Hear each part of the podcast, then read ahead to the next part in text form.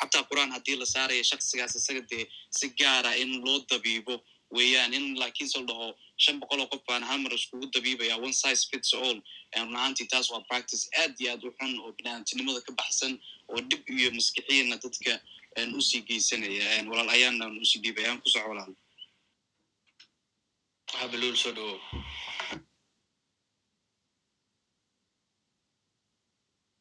aada u mahadsantaha yunis. Waa dhowa ayaan ma joogtaa waxaan sameynayaa igra lahaada aniga idinka mashquulay i think an hour iyo xoogaan waa soo wadnay marka sii wada waa idin soo noqonayaa okay.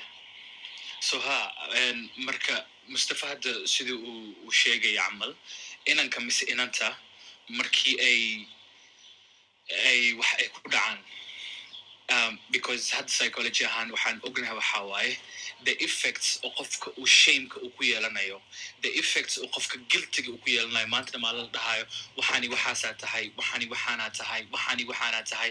Eventually maskaxdeena cajalad waaye. It records every single little thing. Then qofkii wuxuu gaaraya heer heer oo self hate uu ahaado. Muraayadda xataa markuu isku fiiri inuu isnacnaco uu dhaho horta adi maxaa kaa qaldan um, uh, what is wrong with you? Um, maxaa like to be alive? I've seen that aniga sidaas u fikiraya oo dhahay like i don't even need to be alive. Um, i don't like my feet. Um, indhahayga ma jecli um, tonkayga maxaa lahaa aad u madow oo aad u foolxun yahay. Um, dadka kaleeto qofkaaseeto sidaas kumuusan dhalanin geedna kamuusoo dhicin. Because i've literally never met a child aniga cunug weligay allehii maanan arag. Oo ha ahaado wuxuu raba ha ahaado laba jir saddex jir afar jir oo ku dhahayo boodyahayga waaweyn yihiin cunugaaseeto waa la baray. The self hateka waa la baray. An dadka hareerihiisa jooga badanaa baraan. An badanaan waxay ku bilaabataa kaftan. Because there is, there is nothing to joke about markii qofka aad geshid garaadkiisa an a negative way aad ka dhaadhicisid. For example cunugaad waxaad ku leysaa mataqaanaa damiin maa tahay. At first cunuga does not recognize that eventually ma ku soo celisid ku soo celisid ku soo celisid ku soo celisid adigana physical kala tacaalusa iskuulkaanaad ka bixinaysa iskuulkaad keenaysaa maxaa la lahaa like you're moving the child around. You're just walking around with the body. Jirkii basaa wadaa. Ruuxdii mar hore dhimatay adaana soo dishay. Cunugii markaaseet waxaa leedahay kan maxaa ka qaldan? And then there's this tendency of habaarka of um, in, our, in our culture which which um, oo dad badan xataa ay ku dhahaan aniga waa laisoo habaari jiray um, um, maxaa la lahaa hooyadii mar hore iga rajo taasna waxay ka yimaadaa badanaa parents who expect so much from a child uh, especially things ayaka nafsiyan ay samaysan waayeen. And then the, the child can hold that pressure moogtahay for example um, ciddaaneed adaa u kacosid jaamacadda magaa ka baxdid ciddaan intaana qof aday ku sugoosaa why you telling the child that? Waxa adig samayn kari weysid miyaad cunugaas uu samayn karayaa and then all of a sudden cunugii maxaa lahataa waxaa laga qaadaya every single power uu haysto. Waxaa lahaa inta ka bax shaqadan saan samey. No power of maxaa lahaa choice. Wax uu dooran karaya ma lahan. May iska anaa wax walba kuu doora. Adi waxaa wax ka taqaanta malaha cunugidiisaa tahay. Yes but we do have different experiences. Habalul um, would you want say something? Waa aad iyo aad baa u mahadsan tahay. Ha topic waxa waaye aad iyo aad u culus. Haddana xaqiiqda taagan marar badan markaan maxkamadaha ka turjumayo ee aan maqlo hooyo ama aaba dhahaayo maarkino "A- a- aniga hooyo ilmaheeda nacab maa jirto aaba ilmihiisa nacab maa jirto. Mentally meesha ay taagan tahay. Iyo habka habdhaqanka soomaalida. Markaan isbarbar dhigo ayada xaqa u leedahay inay tiraahdo calashaan hooyo ilmaheeda nacab maa jirto asiga uu yiraa aaba ilmaheeda ilmihiisa nacab maa jirto. Laakiin habdhaqankeena bini aadanka kaleeto. Wadamo badana hadda ku dhaqana aan aragnay. Bini aadanku kala duwan kuwo annaga fekerkeena qabo oo kalena way jiraan oo sideena u fekera annaga waxaan ka fekernaa nolosha yaa la dagaalayo inaan ka celinaan rabnaa inaan dagaal qaadno dagaalan diyaar u nahay marka waxaan arkaynaa wax walba oo negative ahaa oo nolosha ka soo horjeeday xarbigaasaan gelaynaa. Meesha adduunka kaleeto la yiraahdo nolosha maxaa dan u ah? Dhan wixii positiveka dhana u soo baxaya wuxoodii qabsanayaan annagana waktiga wuxuu nooga dhammaaday negative. Annagaa isku dagaalayn annagaa isku cunayno annagaa kala joogno ilmihii sidii oo kaleeto. Ilmaha yaryarka waxaa lagu samaynaya hadda markaa fiirisid maaragta cilmigan yiraahda la yiraahdo person personal mag- magnetism. Wuxuu ku barayaa wuxuu ku leeyahay haddaa rabtid inaad baratid cilmigaas. Ciyaalkaaga fiiri ciyaalkaa naturally u heleen way haystaan. Laakiin markay soo weynaadaan annagaa ka dilno annagaa ka baabi'ino. Hadhowna annagay noqonayaan dadkii waaweynaay ah ilmaheenna caqabad waxaa lagu haayaa maxaa kaaga horta? Markii yurub markii galbeedka la yimidna waaba ka sii darantaa tii gudaha ay soo qabnay. Tii banaankana loogu sii daray.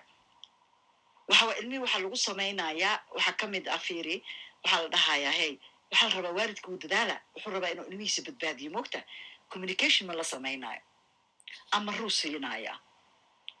Cunuga wuxuu banaan ku soo arka uma sheegi kariyo amarada uu siinayo maxaa waaye dhul gaalaan joognaa annaga gaalama nihin. Gaalada ilaahay waa cadaabaya. Okay adiga muslimnaa tahay marka waxaas haddaa samayso ada xataa waa lagu cadaaba. Waxaasa isku samayn. Ilmihii waxaa loo sheegoyaa dabaa ku gubaayo. Maskaxdiisa xataa ma gaarin. Adinkaa idin dhaafaya adinkaa dhakhaatiirta cilmi nafsiga ahe da'da ilmuhu say u kala gogo'do iyo xilliga ay wax loo sheegi karo waxyaalaha qaarkood cunugan marka banaankii u tegayaa ilmihii kaleu la cayaaraya wuxuu ku dhahayaa adig gaala tahay adiga aabbaha iyo hooyadaaba naartaa gelaysiin. Intaas markuu ku yiraahdo macalinkii ama maaragta xanaanada qofkii joogay ilmihii kale oynaya u tegaayo waa arrimo dhacay oo waalidkii ay ka sheekaynayaan. Ilmihii kale markuu iso oynaya u taga maxaa kugu dhacay hebelaa wuxuu idhi ama hebelaa waxay tiri ilmihii waxay ti adiga iyo hooyada iyo waa wada gubanaysiin waa aakhiro waa eberatin ilaha idin gubaayo okay waalidkii marka maxaa ku soo dhacayo maxaa soo aadayo waxaa loo arkaya kayr mas'uul dad ah. Ilmahooda bahalnimo baraaya systemkia soo gelaya marka. Haddayna helin caawimaad haddayna systemkii aqoonin haddayna wixii kala sharixi karin haddayna ayaga u muuqanin dhaqanada kala duwan. Waxa waye soo gelaayo waxaa loo arkaya dad kayr mas'uul ah oo ilmahooda aan barbaarin karin oo alashaan cunto way siiyaan laakiin sharciyada isaan ognahay waxa waaye cunuga dantiisa kow la fiirina.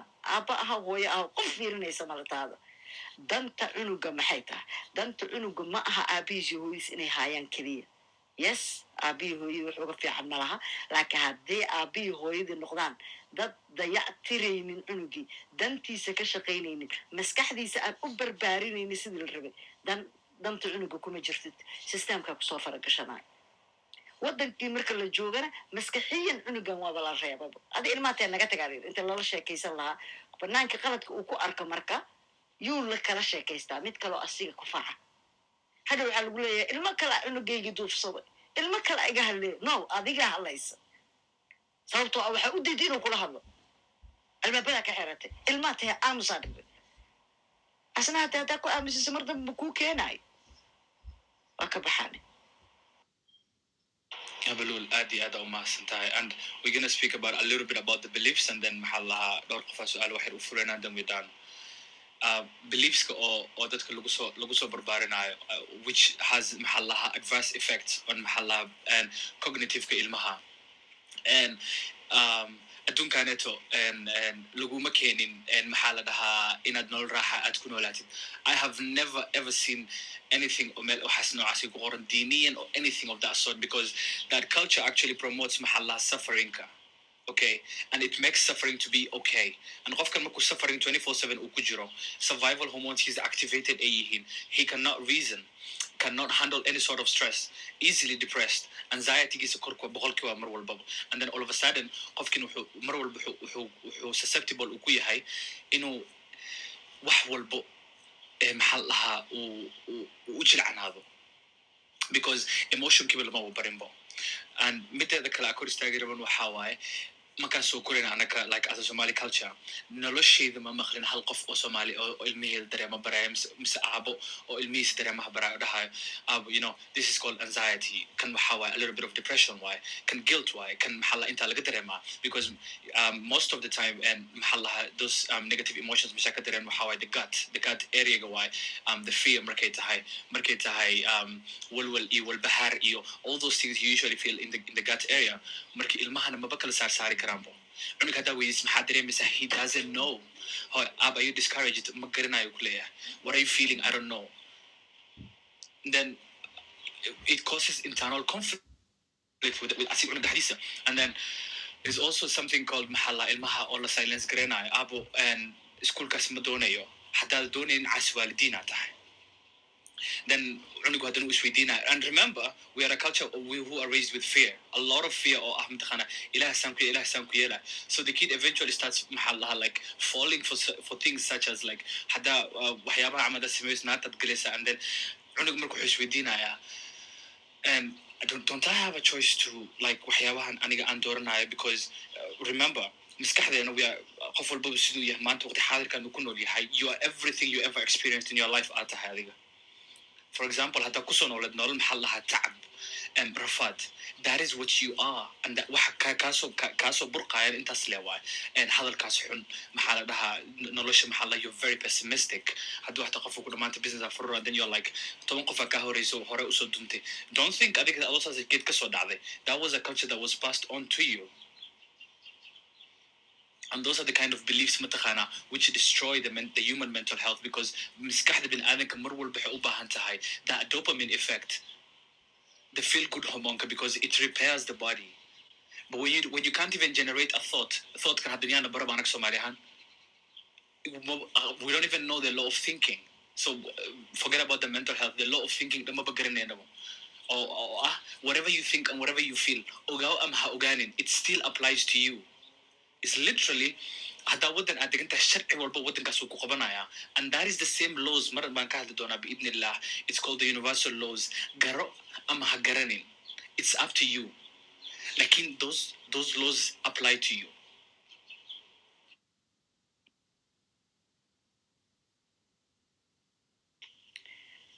Been ma aha sharciyadaas hata way ku qabanayaan markaad dhegaysatid hadeertaan cilmigaana waxaa laga yaabaa inaa isweydiisid adiga naftirkaaga aad tirahdid okay dadkan waa dad qurbaha ku barbaaray waxay wadaan warkii gaalada. Oo meesha aan ku jabnay waxa la yidhaahdo waxaan aniga ma aqaan annaga dhaqankan ma lahayn annaga waxaan ma aqoon jirin. Aa lagu dhahaa. Tusaala idin siinaya oday baa waxaa la yidhi indhahulaa ilka dhanna ma lahayn odayga marka islaam buu qabay ilaa maalinta yaryaraayeen isguursadeen islaamtan waxay u samay jirtay hilibka way u ruugi jirta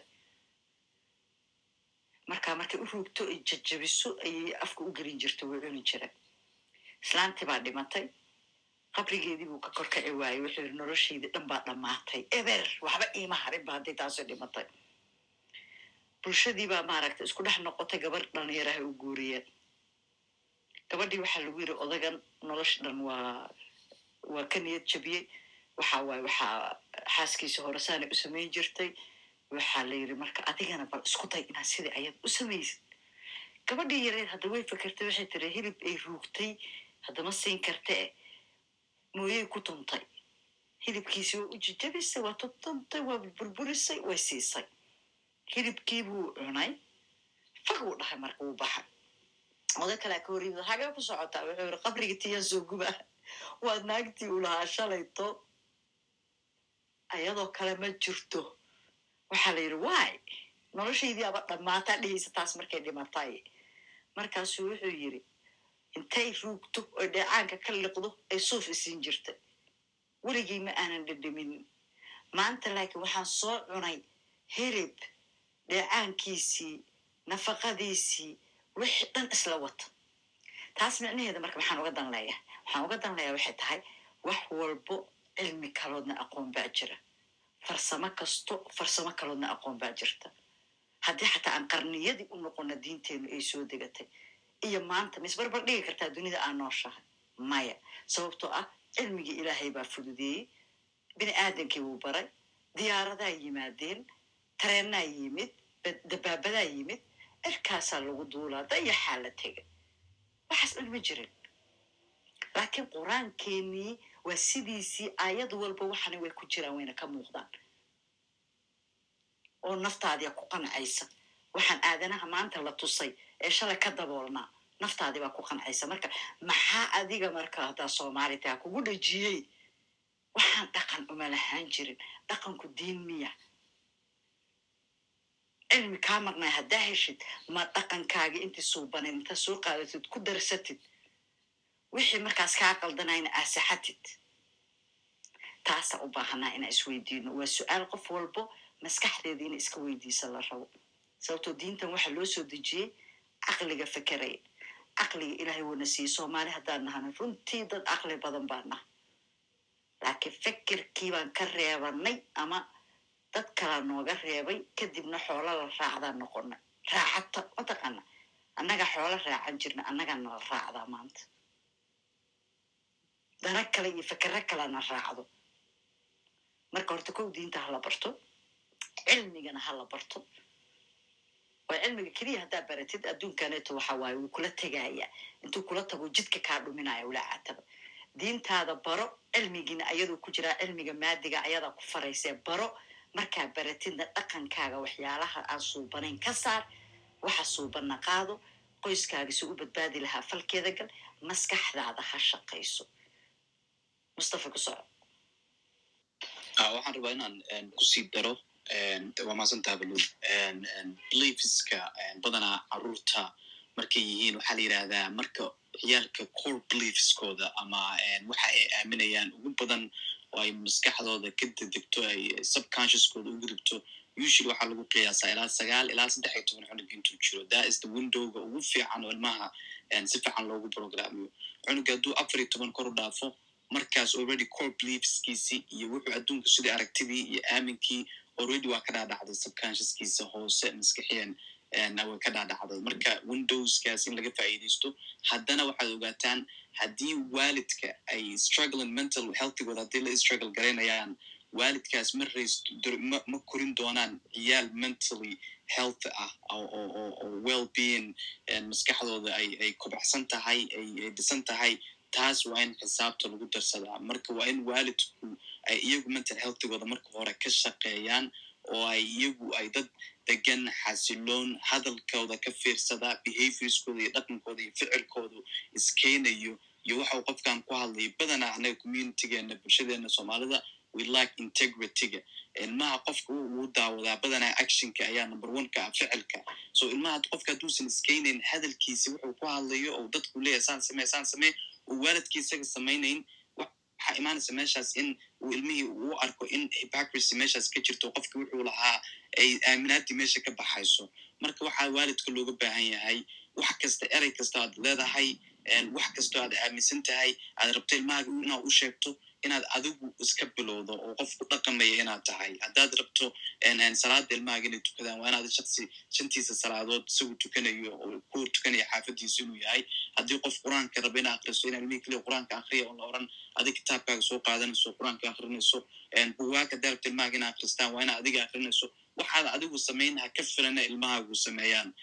Haddii waxbarashadii iyo haddaad qof jecel tahay ilmahaaga inuu barto waa inaad la dadaashaa guriga environmentigii waxbarashadii in loo create gareeyo wey meeshaasay ka jirto marka taas mar kasta meesha beliefska ka yimaadaan adduunkana maanta very competitive ku noqday. Wax kasta run ahaantii competition ay berigi hore oo qofku iska noolaan jiray oo isagoo maaragtay mental healthgiisa iyo waxbarashadiisa iyo meel kasta aan ka dhisnayn still uma way soo yaraanaysaa. Taas oo adduunkii competitive waxa ku noolnahay adduun maanta meritocracy ama merit based on abilityga shaksigan awood nooceeya waxaan samayn karaa ma qaban karaa qof caafimaadskixiyan sii soconaya oo sii shaqaysanaya oo sii jiraya ma yahay. Mise waa qof somewhere is gonna break down markuu sii socdo. So maadaama adduunka saa competitive u yahay maanta uu yaraaday abundancygii ama qofka wax meesha ruba wax ka qabsan jiray waa inuu qofka sidoo kale caafimaadkiisa maskixiyan jismiyan caqliyan uu ka shaqeeyaa maantii adiga haddaadan mental health issues aada haysanna macnaheeda maahan beri inaysan ku imaaneen waa inaad ka sii tabaabushaysated toolskii aad u baahan tahay ee caafimaadkan iyo cilmigiisa maanta aad sii barato ee aadan sugin maalinta adiga ay ku qabsato ama qof aad jeceshahay oo familigaaga ay qabsato we all need those tools. Waa the basic necessities.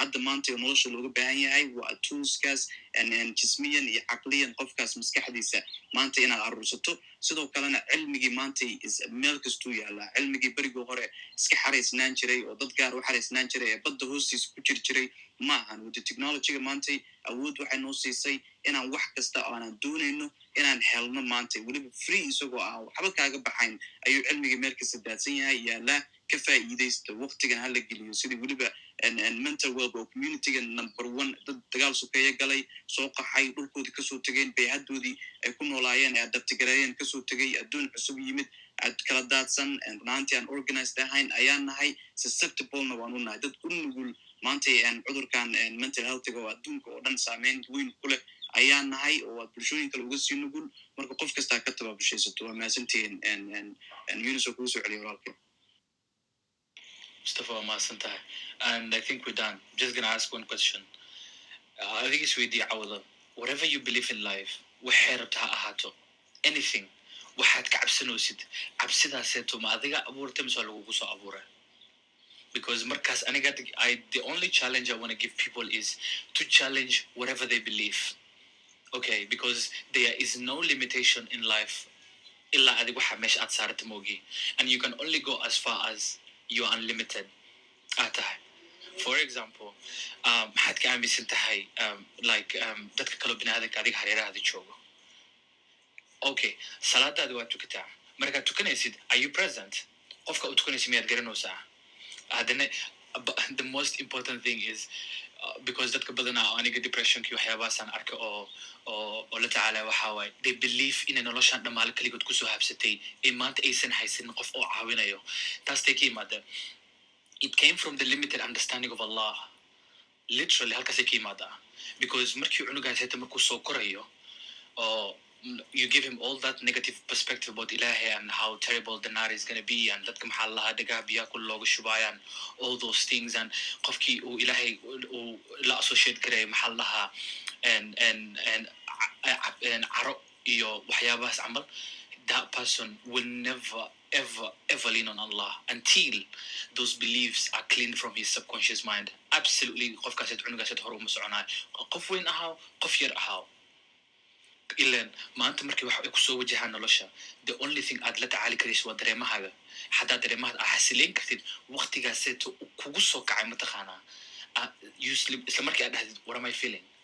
Aad dhahdid i'm feeling a little bit of anger i'm feeling a little bit of fear. Isla markiina aad bedeshid you switch it to, to a maxaa lahaa a higher vibrational um, um, feeling for example calmness as bertid you cultivate it. Waxaa waxa qof qof ku dhashay malaha dareemahan dhamaale every single human being. We all cultivate the emotions one way or another. Qofkii sida u bartay ku xiran tahay because dareemahan anaga nagu duugan yihiin moogtahay um, you cultivate the calmness, you, you cultivate the gratitude, you just look for the beautiful things about life. And that kamataxana you stop watching the news totally because for example haddana tacamuddada jir anxietygood kor ku kaco um, the depression levels maxaa la increase simply by watching the news. had for example things which are happening in palestine. waxa ilaahay unta aad ka qaban karta haba yaraatee ma jirto so for you to keep on stressing about and maxaa la reminiscing about things you can't control what only happens is it only degrades your life okay, what is the best thing you can do for the Palestinian people? Don't feel sorry for them. They're not victims. They're going to get through this. So, then shut down the TV. Because one of the things which, or that that constant fear. What is news all about? These people, they look for every single thing. I, I live in North America. So haddii North America ikawayan waxun manta. They will go to the Europe galaan. Hadii Europe Africa Africa galaan. They just looking for that thing to trigger people. So haddii kadib what if I hadid nothing is gonna control my emotions. Ana dareemay gacma ku qabsanayo. Oo ah whatever the circumstance, whatever the situation, I'll be fine. Waxaan control kara waa control kara. Waxaan control kara I'm gonna let go.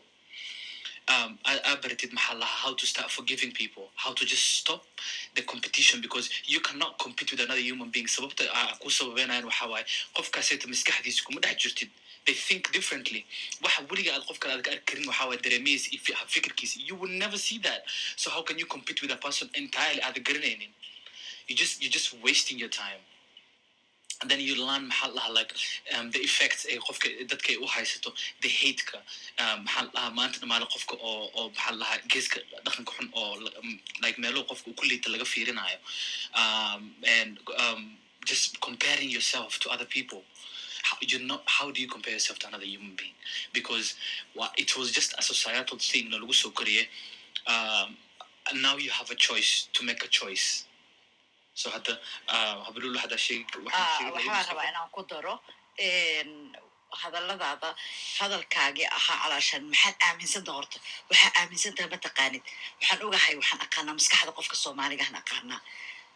Isla markaasba albaabadu xiranaya wuxuu leeyahay maaragta aniga muslimnaan ahay qofkaanayta maxay ku hadlaysaa. Okay muslim baa tahay laakiin maxaa kaloo aaminsan tahay dhaqankii soomaaliyeed baad aaminsan tahay maxaa ka mid a dhaqankii soomaaliga?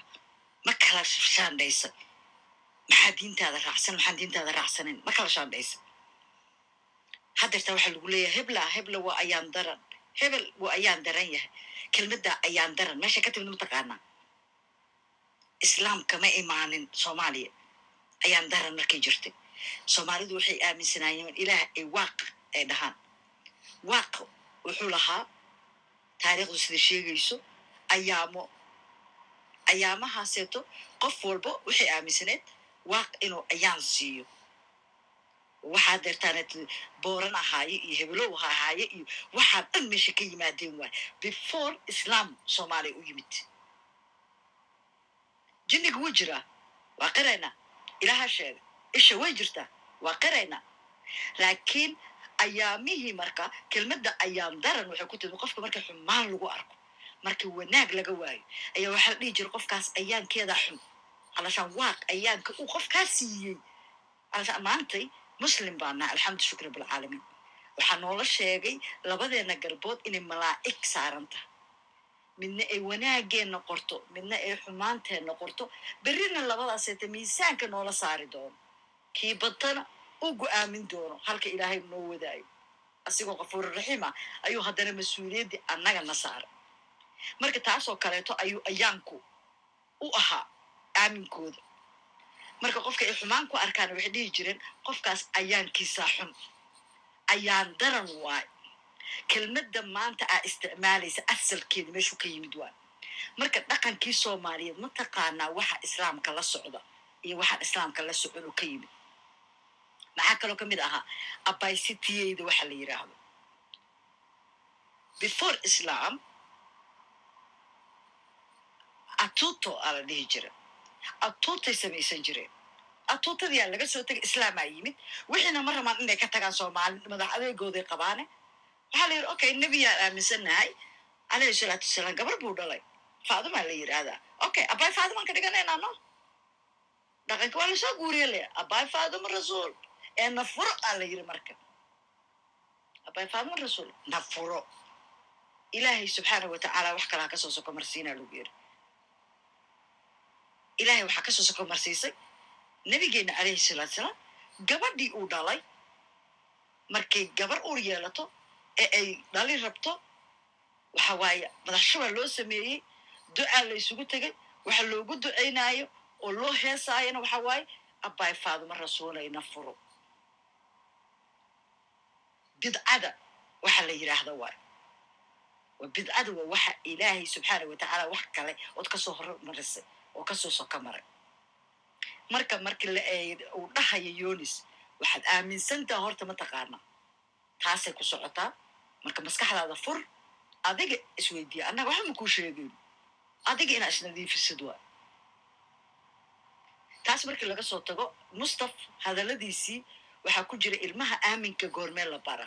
Sagaal sano ka bilow afar iyo toban hadduu gaaro ja aaminkiisi dhan waa dhisan yahay. Dunidaa kalaa siisan laakiin sagaal sano ka hor ayada aamin ma bari kartaa maya naxariis waa inaa bartid aaminkii waxaad ka baraysaa dhanka naxariista markuu sagaal sano kuu gaaro aa u bilaabaysaa dhankii naarta markaasay maskaxdiisa ay la socon kartaa ay fahmi kartaa laakiin sagaal sano ka hor markaad u bilowdid qalqalaad gelinaysaa cabsiyaad ku abuuraysaa inuu xataa habeenkii ku riyooday tegaysaa asigoo gubanaya yaa ka mas'uula marka adaa ka mas'uula macalinka baraa ka mas'uula marka waxaan u baahannahay cilmiga barbaarinta in macalimiinteenna la baro in waalidkeenna la baro in annaga dhan ilmaheenna ay bartaan. Si jiilka dambee soo socdo waxyaalihii adinka idinku dhacay waxyaalihii annaga jiilka idinka horreeyay nagu dhacay ayna dib damba ugu dhicin jiilaalka soo socdo. Waa in la isticmaalaa cilmiga yaalla ilaahay subxaana wa tacaala cilmigan keena erka kama soo dhicin. Asigaa keenay dad qof buu fahansiiyey qofkii baa bulshada ku dhex daadisay kadibna jaamacadaa la geeyey waa la barta marka bi mindfulkaaseta lagu sheegayo waxaa ku heli kartaa qalwada waxa la yidhaha dadka qaarkood markaa tiraa meditation samey waxay ku leeyihiin aa meditationkasoo kii buddhismaha ay samaynayeen ma ah okay buddhismaha waxbuu akrinaya adi maxaa akrini physically dhaqdhaqaaqan la samaynaayo aad samaynaysid meel kuugu habboonaa samaynaya haddaad gabar tahay haddaad wiil tahayba eh maxaa akrini ma wixi buddisahaad akrini qur'aankaa karsane qalwada waxaa la yidhaahda waay tasbiixda so maxaa kuu diidaayo inaad fariisatid meel oo aad tasbiixsatid markaad tasbiixsatid madaxaaga dhan wuxuu ku maqan yahay tasbiixdii wuxuu tirinayaa tiradii tasbiixda meel kale maba awoodyaba inuu ka fekero adiga dhan saacaddaa sekinkaas aad fadhidaad ku soo aruuraysaa marka wax walba albaabada ha ka xirina annaga ma aqoon jirin ha dhihinina annaga ma qabi jirin ha dhihinina waxaana qabi jirin adduunku waa horumaray hadday yimaadeen waxaanan aqoon jirin haddaan baranaynaa diintana ha la barto dadow ani waana ka baxa insha allah waa noo soo xiri kartaa yunis abulul waa mahadsan hadda gacanta waa furna wi dhowrkoo qof waa soo taagan karaysin if you have some things to ask then we're done Dr. Said soo dhawo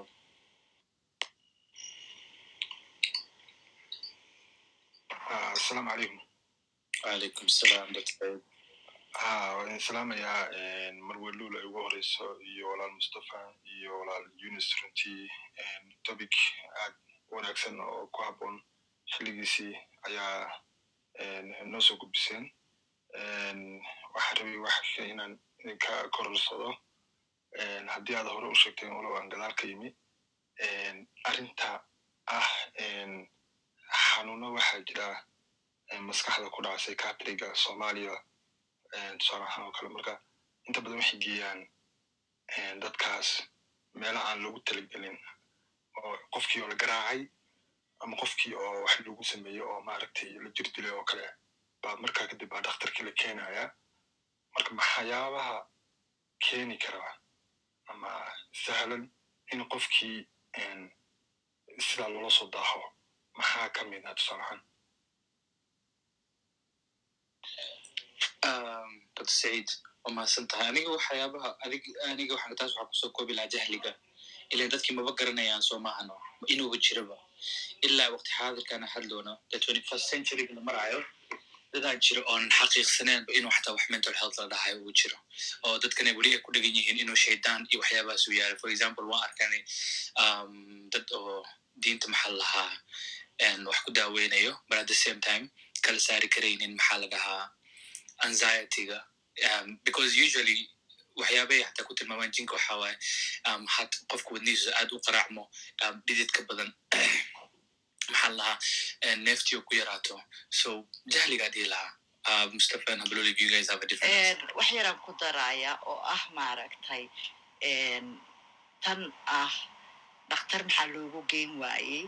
Cilada meesha jirto horta hore hal midaan ka garaabaynaa annaga oo xaqiiq ah oo shalay jirtay oo ku qasabtay bulshadeenna dhaqankan bartay. Maxay tahay? Reer miyi bay ahaayeen qofku markay ka waalato waalina waxay u yaqaanaan oo keliya markay qofku ay waaw tiraado oo xaqiiqdu ka dhunto oo ay maaragtay xaqiiqda dhan ka dhunto bisay waali u yaqaanaan. Wax kale waalimaba yaqaanaan horta. Markaas waxay samayn jirta qofkiisayna ayada loo dilin ama ayna u dhumin ama qof kaleeto ayna u soo dilin ayay geed ku xiri jireen. Maadaama aan dhakhtar jirin waxba jirin waxay ahayd xal ay xal ka dhigayaan oo ah qofkan ayadan iyay waxba dilin ayadan iyaan la dilin waa haddii qof soo dishana diyaa laga rabaa. Haddii qofkoodii laga dilana qofkoodiyaa ka dhimata waxay ahayd marka maalintaaseeto wax kaleeto oo xal ah ma jirin. In geed lagu xiro ma ogeyn. Laakiin maanta waxaan noolnahay qarnigii koo iyo labaatanaad. Cilmigii meel kastuu yaallaa. Qur'aanka haddii lagu daweynayo xataa waxa waye qofkii naxariisay u baahanta. Xaqiiqdii way ka dhunsantaa xaqiiqa dhumidii intaan la gaarinna waxyaalo badanoo waxaa jira. Waxaa arkaysaa gabar hadeertaan qabta maanta dhan waxay nadiifinaya ama wiil. Maanta dhan waxay nadiifinaysaa way isdhaqaysaa. Meel kastay soo marta bustay ka tiraysaa. Markaasaa lafaanin alle alla qofkaasu nadaafad badanaa wa waa raalliyo ayadana raalliyanimo kama ahani. Way ku qasban tahay maskaxdeeda ku qasbayso. Waa cudur ku jiro waxay u baahan tahay in dhakhtar loo geeyo cilmi nafsi. Waxay u baahan tahay in loo geeyo dhakhtarkii dhimirka. Waxay u baahan tahay daawooyin in la siiyo. Inta ay ka soo baxayso waxaas haddayna ka baxayna forever ay daawadeeda qaadato. Wax kaleeto oo qalda a jira marka bulshadeena oo ah waxaa laga daadacsiiyey qofka ilaahay aaminsan ee mu'minka ah. Cilmi nafsi maba ku dhacaba maba waashaba. Marka haddii xanuun yar oo cilmi nafsi uu kugu dhaco waxaa lagu dhahaa ilaahaa ka fogaatay diintaadii aad ka fogaatay yaa yiri. Aayadda tiri xaggay ku taallaa in adduunkanba waxaa noola keenay in nagula itixaame ibliis markuu dhaartay wixii ku raaca aday naarta kula gelayaan baa la yiri. Adduunka dhanba waxaan u joognaa in itixaan nala saaro. Itixaamkii bay ka mid tahay.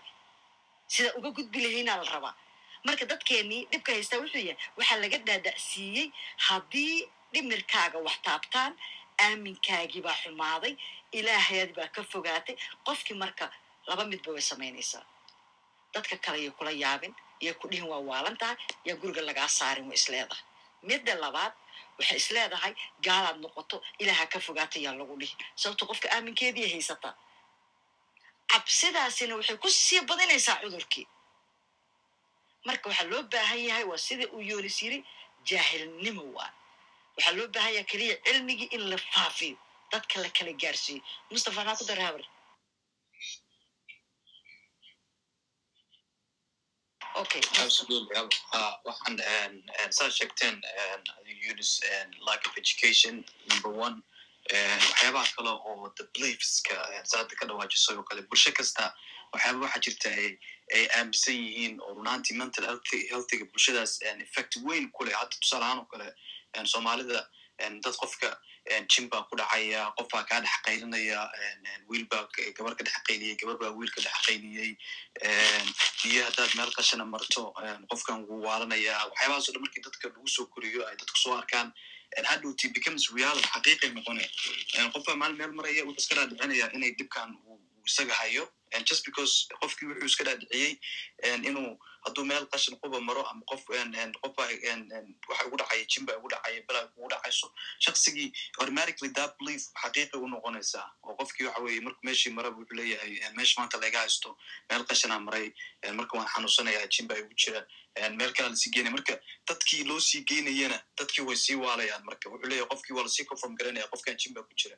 qofbaa ka dhex qayliyey ama ama ama dhib kala haysata qofka already markaas saa sii dhacdo haddana bulshadii ma haysato systemkii shaksigan lagu baxnaan baxnaanin lahaa qofkii in la sii xiro lugta laga xiraa dhici karta oo qofkan wuu sii waashay. Taas haddana qofkii way sii waalaysaa again oo wixii way iskugu sii daraysaa run ahaantii dhibanihii baa dhib weyn sii gelaya marka waxyaabaha loo baahan yahay oo beliefskaas ka soo bilaabmay ilaa iyo qofkii hadhowtina xaqiiqa ku noqotay kabacdina lagu sii dhibaateeyey in taas oo dhan runaantii laga daba tago oo ay bulshadu ay isweydiiso oo waxyigelin laga bixiyo taasaa number one looga bixi karaa. Haddana mental healthigana wax adduunka oo dhan ku cusub weye runaantii oo break through ah maskaxda iyo qofka bini aadamka hadallada iyo beliefska early stageska iyo hadallada dhib kale qofka saameynta ku leeda wax hadda la baranayo oo break through wey oo cusub insha allahna waxa weye waddankeena iyo dadkeenana waan ka faa'iidaysan doonaa wax yara waxaa ku darayaa taas oo ah wax hadda la baran doono. Sida aad la wada socotaana cilmi ahaan iq un baa laga hadli jiray oo aqliga raacda. Laakiin maanta waxaa la ogaada boqolkiiba sideetan bini aadanka iqgooda inay waxba tirayna haddii eq ayna la socon. Eqda maxay tahay marka? Yunis EQ waxa waaye the emotional quotient ka oo the emotional intelligence ka waa hadday emotional intelligence kaaga u hooseeyo ko dad lama dhaqmi kartid. Labo you always misinterpret maxaa la dhahaa um, situations. For example maba kala qaad qaadi kartid bo qof hadda intuu yar ku dhaho markaasaa dhigi karta that's, that's absolutely disrespectful. Ko sidee ku ogaata qofkaas maskaxdiis miyaa dhex gash waa maya. Um, adiga un triggerskaaga waay And the most important thing about EQ, how you understand that it's never about the other human being, it's about you. dareemaha adigaa gacantaadii kugu jiraan. Qof kale dareemaha maxaa lahaa dareemaha gacanta laguma jiraan. So eventually markaad baratid um, how to control yourself how to self regulate markaa barid dareemaha anytime ay soo kacaan sida waxa silin lahayd uh, whatever works for you. hadday hadday tahay maxaa la dhahaa deep breaths hadday tahay hadday tahay maxaa la dhahaa taking some ten or fifteen minutes. qofka any situation ku jiro waxaad dhihi kartaa qofka i'll be back. And remember you're not a slave to anyone and to any situation. So you can always do that. Because marki when you get ahead of that emotion mar walba waa qaboobaysaa so ayaan walaal ku soco waa mahadsantihiin dhammaantiin waxaa umale codkayga waa clear umalena aad waxaa u salaamayaa horta marwaluul oo aad iyo aad marka hadda imaanayay halkan mawduuc aad iyo aad wanaagsan ay ka hadlaysay oo ah yani dhaqanka iyo iyo before islam dhaqanka anaga aan lahaan jirnay badanaa dadka hadda dhalinyaradaaneeta oo markii waddanku burburay kadib aan xoogaa wax dhaqan aysan raacaanna maysan helin. Mid cusubna waa oo xoogeysanna waa yimid. Soo jahawareer badanaa ku dhacay generationka waktiga koray. Marka aad iyo aad ma ahan su'aal ma wadi laakiin waxaan rabaa inaade aad idinkugu mahad celiy in tobiyadan oo kale ah aa bilowdeen oo kale oo badan dhalinyaradu intii yani cilmigan sayniska iyo dhaqankeeni xataa in la baro dadkan in hadda waxaa jirta oo kale abaylul ay ka hadlayso kale jinka oo kale iyo dadkan sida u saameyn jiray. Hadda fir ani waxaa aaminsanahay mingiska iyo iyo maxaa dhihi jiray baayada iyo dadkaas waagaa inay caafimaad badan ay ku heli jireen gabdhaha weliba aslanbo. Wixii la aaminsan yahay waa lagu helaa caafimaad quraanku dawada benesiliinka oo bacteriada dilaysa haddaadan aaminsanayn ma ku caawinayso ha aada weyn thank you. marka hadda fiiri waxay sameeyeen waa aragti rusheeya hadda joogo gabdhihii badnaa halkaasay aadayaan wax oo caafimaad ahna badanaa kama helaan waxaan dareemayaa badanaa intaad gabdhaha aniga waddankan jooga waa arkaa gabdhaha badanaa meelahaas tago waa la sheekaystaa waxyaaba inay kaga sii darto mooye wax kale oo faa'iida xataa oo iyka psychology ahaan u badbaadin kara ama u daaweyn kara ma jiro. Yiri mingiska waxaa ku jiray heeso waxaa ku jiray wax oo oo qofka exactly firi nafsiyan dhibaatada asi haysato buu qofka calaqadka iyo dhaana u sheegi jiray ma fahantay sheekadiyaa dib falsafad inta loogu sameeya iyada dib loogu soo celin jiray ku caafimaadi jirta ma fahantay marka aniga waxaan aad iyo aad u soo dhaweynayaa tobigyadan oo kale in bulshada soomaaliyeed badanaa firi mar walba waxaa dareemaynaa firi dhalinyaradii ama dadka soomaaliyeed badanaa caqligoodii hal meelaa lagu soo koobay. Hal meel hal aragtiyaa loo sheegay. Wax kala duwanaansho la dhaho ma la sheegi karo.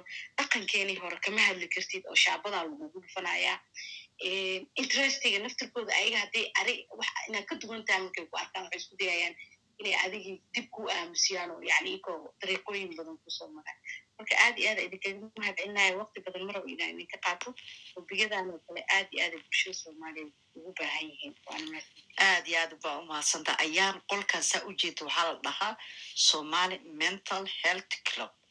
marka member ka noqo meesha cagaaran taabo si bishii hal mar ayaa cashir ka baxaa marka cashirkaa bishii halka mar asaa ula socotid waxaa kaleeto oo aad raaci kartaa kulmiso ayada naftirkeeda oo mar kasta iyo habeen kasta barnaamijyo kala duwan oo cashir ah ay ka baxaan oo yunis uu ka mid yahay waxa kaleeto ayadana dhanka caafimaadka markay noqoto somali maxaa la dhahaa health club markaaseeto cilmi nafsiga waa laga tegey caafimaadka jirkaa la tegey saddexdaas club way isku xiran yihiin haddaad tagtid waxbaad ka dheefaysaa mid kasto insha allahu tacaala waa iskool dugsi cashar lagu bixiyo aad baadna u mahadsantaa ayaane feedbackgaasna waa waa kaa qaadanay nina soo dhawow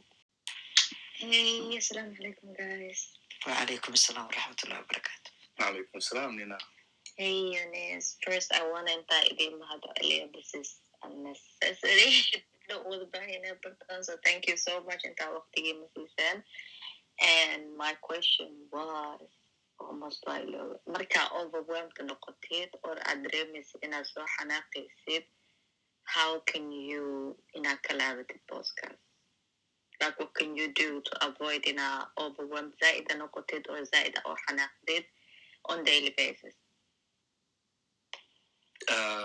nina horta iyo kow waxaad waxaad identify garaynaysa horta maxaa ku trigger garaynaya xanaaqaas iskama imaanin mogtahay maxaa ku trigger garaynaya then inti whatever you working markaaseeto markaad identify garaysid intii aad xanaaqaada aad maxaa laha la tacaalaysid ereyada ku xanaajinaya markaaseeto waad wa- waa soo kala bixbixinaysaa so as you are working through the process mataqaanaa every kind of environment oo waqtigaaseeto susceptible kugu noqonayso inaad oo xanaaqaas kaa trigger garaynayso waa ka dhex baxe as now you are baranaysid how to control that emotion how to identify the surroundings which trigger those emotions the wordings and the people okay who are actually related.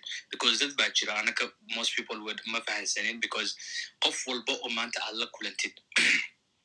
that person has an emotional connection in your body okay? So qofkaas haddaa ka aaminsan tahay inuu mar walba ku caraysiinaya mar walba ku caraysiinaya haddaa mar walba as dhehaysidna mataqaanaa fiiriya caradeeda and you're looking for carada inay so nina marka markii waxyaabahaas camal ay kugu soo bataacaan mataqaanaa it's gonna be uncomfortable the first times laakiin waad celinaysaa you just literally hold your body down because part of mataqaanaa like understanding yourself is becoming greater than your body. Jirkaaga inaad ka awood badisid way because habits marka waxay ku noqdaan waxaa waaye jirkiya maskaxda ka awood badan. And now we want to we want to do the vice versa. We want the mind inay ka awood badnaato jirka literally your will has to be greater than that body of yours. So markii xanaaqa zaid kugu soo kaco take what quick, quick fix waxaa horta very deep maxaa lahaa breaths aad qaadanaysaa saddex ilaa afar ilaa shan and then as you deep maxaa lahaa inhale um, slowly and then allow the body to settle down then exhale. When you repeat that four to five times you kind of find that your body is the cooling effect xoogo way ku um, you turn down the volume on those of those emotions then as you self-regulate mutakhana eventually you will you will know how to manage that emotion. Number one how I identify the situation the wording which are triggering you and ask yourself "What- why am i getting triggered with these words? The deep breaths and then mahallaha, like dissociate yourself from that environment. I hope that answered your question nina. Waxaad ku daraysaa markaad neefsashadaas aa qaadatid aad naqaska jiidaysid si tartiiba ula aataba haddaa fadhida istaag haddaa taagneed fariiso meesha aad joogta ka fogow ka bax qolka aad ku jirta ka bax qol kala tag jawiga aad ku jirta bedel adigoo neefsadan sida yunis uu kuu sheega samaynayo markaaseeto waxaa waaye maskaxdaadan u sheegaya inaad isdejinaysid adoo ka shaqaynaya wixii uu kuu sheegay inaad raadisid waxa kugu waxa ku daaraya maxay yihiin waxa ku daaraya markaa ogaatid maalin damba ma ku daari doonaan. Markaa aragtid buu ogtaa ey waa wixii ku daari jira so waa ka fakanaysaa. So ma arag hebelanka soo xanaajina soomaalida ku dhahay maxaa dhacane maxaa u xanaajinay. No no si fududuu ku xanaaqa. Xanaaqiisa waa dhow yahay. No waxay barteen dareemadaada. Ayaga ma ogo laakiin waxay barteen dareemadaada. Waxay arkeen hadallada ku tirigareeyo hadalladiibay ku dhahayaan adina waa qarxaysaa so dareemadaadi adiga ma xukunti dad kala xukumo. Marka xoolo la raacdaa tahay markaan leeyahay taasoo kaleeta ka mid ah.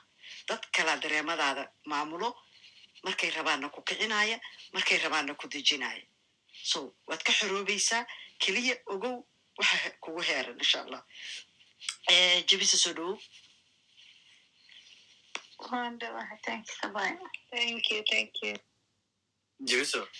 su'aal haddaa ma qabtid waa kaa gudbaa marka xasan soo dhowow xasan mana maqle maya haddii kale muudka ka soo bax haddaad na maqlaysid oodan aqoonin waay dad badan oo may cusubaa jooga xasan wuu garanayaa okay bis usually waxa uu shaqeynaya umale xasan kusoco uu joogaa raali noqda waan waxyar baan ka durkayay meel mana screenkana ma fiirsanayninoo inaan isxaan falaa isdhahaya sababto dad badan oo cusubaa jiro oo weli fahansanin club house marka dadka xoogaa yar waxbaan u sheegnaa ay wayna maqlaayaan maogta aad iyo aad baa umahadsan tahay allah ku barakeeyo waxaan dhihi rabaa horta barnaamijka aad iyo aad buu u fiican yahay aad iyo aad baa umahadsan tihiin. Arrinta aad soo hadal qaadeen oo mar dhow intaan idinka bartay intan emotional intelligencega iyo qofku in uu dareemo dareenadiisa iyo laxwyadiisa inuu dareemo oo uu fahmo. Dareenada dadka kaleetana uu fahmo. Aqoonta markaas uu ka helayna uu naftiisana ku xakameeyo. Dadka kaleeta si oola dhaqmayana uu ku wanaajiyo oo uu ku hagaajiyo. Waa arrin aad iyo aad muhiim u ah. Marka emotional intelligency waxaan dhihi lahaa yani wax badan buu yuu qofka uu u faa'iideynayaa. Waxaan rabay in aan wax yar inaan ka fahmo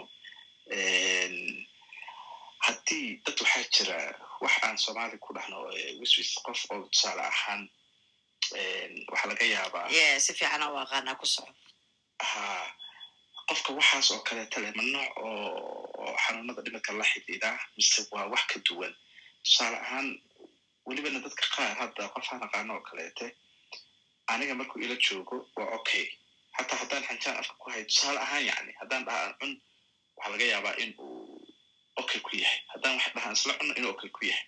Haddaan qaado aan yani tusaalaan ka wadaa marka ay noqoto haddaba qof uusan aqoonin markay noqoto makhaayad ku cusub markay noqoto waxaa laga yaabaa inuu wax walba uu ka shakiyo inuu dhaho gacanta uu soo dhaqdo inuu qaadadii uu loo keeno uu la aado meeshii farxalka uu soo dhaqdo. Arrintaas ma wax la xiriiraa mental health baa mise intaasaa xoogaa raba inaan aan idin mahadceliyo aad iyo aad baa mahadsantahay mustafa u dhiibaynaa horta su'aashaas laakiin maadaama adigiiba qaadada aad afkaaga gelisay iyo xanjada afkaaga ku jirto uu ogol yahay kow sawirkii ii baxay ma aha marka mustafa ku soo dhowow way marka hore baranoya madaxiiga taagneed laakiin hadda way ka soo degatay waayo ma aha marka adinkaa idin hablood absolutely. Waxaa jirto waxaa soo gelaysaa waxyaabaha phobiyada ama dadka marka phobiyada wayna badan tahay. Marka waa type anxiety disorder weye because anxietygaasna marka waxay soo hosgelaysaa mental illnesski ama mental and and illness issueskay soo hosgelaysaa marka phobiyooyinkana way tira badan yihiin agrophobia jirta and dad ka baqaan meesha heightskay ka baqaan ama markay buuraa fuulayaan waxaa jirto bay ka bateen. Marka taas waxay soo hosgelaysaa and wayna jirtaa wow mustafa codkaaga wuu dhuma yorisu ku soco mustafa oo ka istaagay ma lahe. Mustafa ma mana maqle i think qadka wax ka soo dhex galeen umala ha adi ku soco insha allah Oh, hala- conne- connectionka connectionka iga tegay marka way soo hosgelaysaa and and and xasanow and and phobiyadaas and mental illnesska soo hosgelaysaa sidee qofkaasoo kale loo caawin karaa idinkoo mahadsan barka waa su'aaleyna qofka like what makes you comfortable markaad and uh, kan iyo because you majority of the time waxyaabahaas waxay la xiriirtaa the unknown. Qofka inuusan maxalla like qof walba anaga dhamaale bini aadan markaan nahay whenever we are exposed to an environment we've never been to before we cannot predict what is to happen. We cannot maxaa la dhahaa like literally haddii wax yar ee sida hore ay ka bedelan yihiin there's some people who get a form of anxiety and they get like that phobia mataqana warif maxaa la qaadadan la soo dhaqin and it could be also maxaa la a past experience oo qofkaaseetu maskaxiyan ku dhex nool yahay noqon karaysaa oo eh hadda ka hor maxaa la intuu qof um, maqaayad heblaaya intuu wax ka cunay and then waxay ku dhex arkitin or something. It, could be anything. So qofkaas ina ina ina wixii aa sababaysiin waa horta like why do you feel the way you feel like why are you comfortable with such situations and you're not comfortable with this? Then markaasit waa ka salgaari karaysin but majority of the time waxa it's either that paranoia or maxaa la the fear of the unknown. Waayo cudur kasta markii la ogaado cudurkuu yahay unba dawo loo heli karaa t b haddaa qabto maanta dhan haddii lagu baaro oo aan la helin t b dii dawadeeda laguma siin karo. Laakiin maalintii la ogaada dawadeeda lagu siin karaa so asigana waxay ka dhigan tahay waa inaad caadi ula hadashid oo tustid inuu adiga qaadada afkaaga aa gelisay. Uu ogol yahay iyo dhareerkaagii laakiin maqaayadda markii la tago uuna ogolayn marka bal maskaxdiisa inuu baaro ma ogida ha uga harin.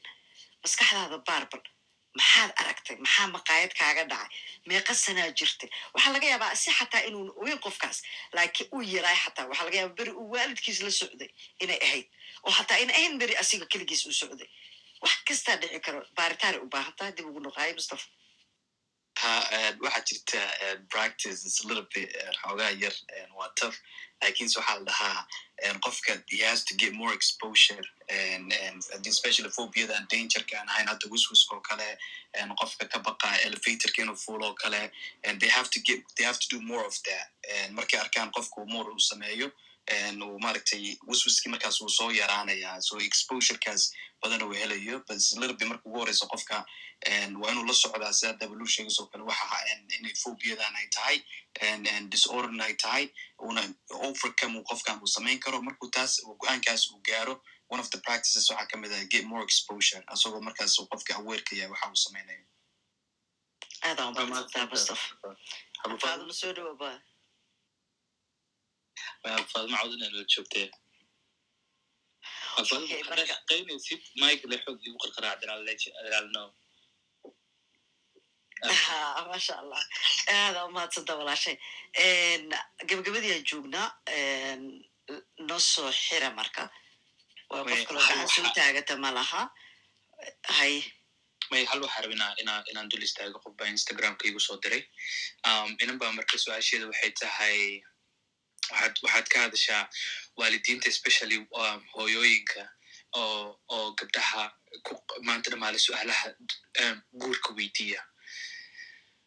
Oo ah maxaa la guursan ladahay maxaad la fadhisaa? Facaada waa la guursaday. Ma nimanka ma nimankaad maxaa lahaad iska fogeynaysaa and all those type of things. Horta ko gabdho qaar way jiraan oo markii waxyaabahaas lagu dhaho isdifaaci karo. Who literally no naftooda garanaya dhaha kara hooy qofka guursanaya waa aniga. Qofka decisionkaas u taalan waa aniga. Marka waxaan jeclaysan lahaa hooy inaad martamaad su'aashaas i weydiinin and it's always good to form a boundary with your own parents because waxyaaba me meelo qaaray jirto if they push too hard now waad dhibsanaysaa adiga anakan the, thing we are working with hadda arabna inaan isla gaarin waalidiinta waxaa waaye inaan qofka bin aadanka oo adduunkan keensada aanan dhibsanin bad uu naga dhexeeyo xad iyo xishmad iyo isfahan so qofka waad ku dhihi kartaa hoy aniga guurkaaneeta maanta dhamaa ila dabamaraysanayso hoy anigaan anigaa markaan si wanaagsan i don't think waalid inuu jiro oo hadal inta si macaan ugu dhigtid uu kugu soo harcelinaya haddaad dhad hooyo gurkan aniga ii taala hoy macan an markaan diyaar noqdona ku soo sheegaya and you repeat it two three times mataqaana the parent usually let's go off that fear. Dhibaatada leedaha marka waxaa waaye ko gabadhaaseed waxaad baraysaa inay nolosheeda ay nin bas ay ka kooban tahay labo inay adduunka imaale u joogto maxaa laa just to reproduce children.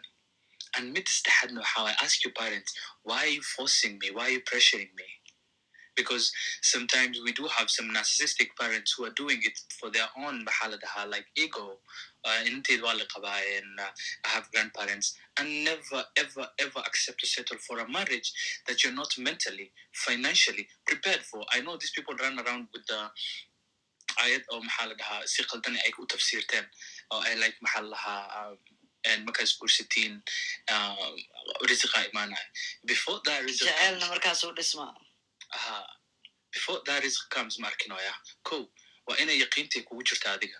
Are you, that comfortable with allah subhanahu wa ta'ala? That's a whole different topic. Midda kaleto and uh, do you even know how to like mahalla hold yourself?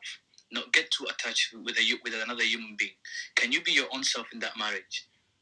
Maxaa la like can you wax walba ma- ma kala saarsaari kartaa can you stand up for yourself can you financially like be there for yourself regardless of that other human being there's so many aspects involved anigana waa ogahay like waalidiinteena badanaa waxay haystaan diiraddii hore diiraddooda waxay saaran tahay dhaqankii horeeto fahansii waxaa dhahdaa hooy mise aabo dhaqankeena waan jeclahay laakiin wixii adig kuu shaqeeya yani wax ii shaqeeya labay kala yihiin tan labaad waxa adiga kula qurxoon indha gooniya waxaad ku fiirisaa maskaxdaadana sibay u wayar garaysan tahay anigana sibaan u wayar garaysanahay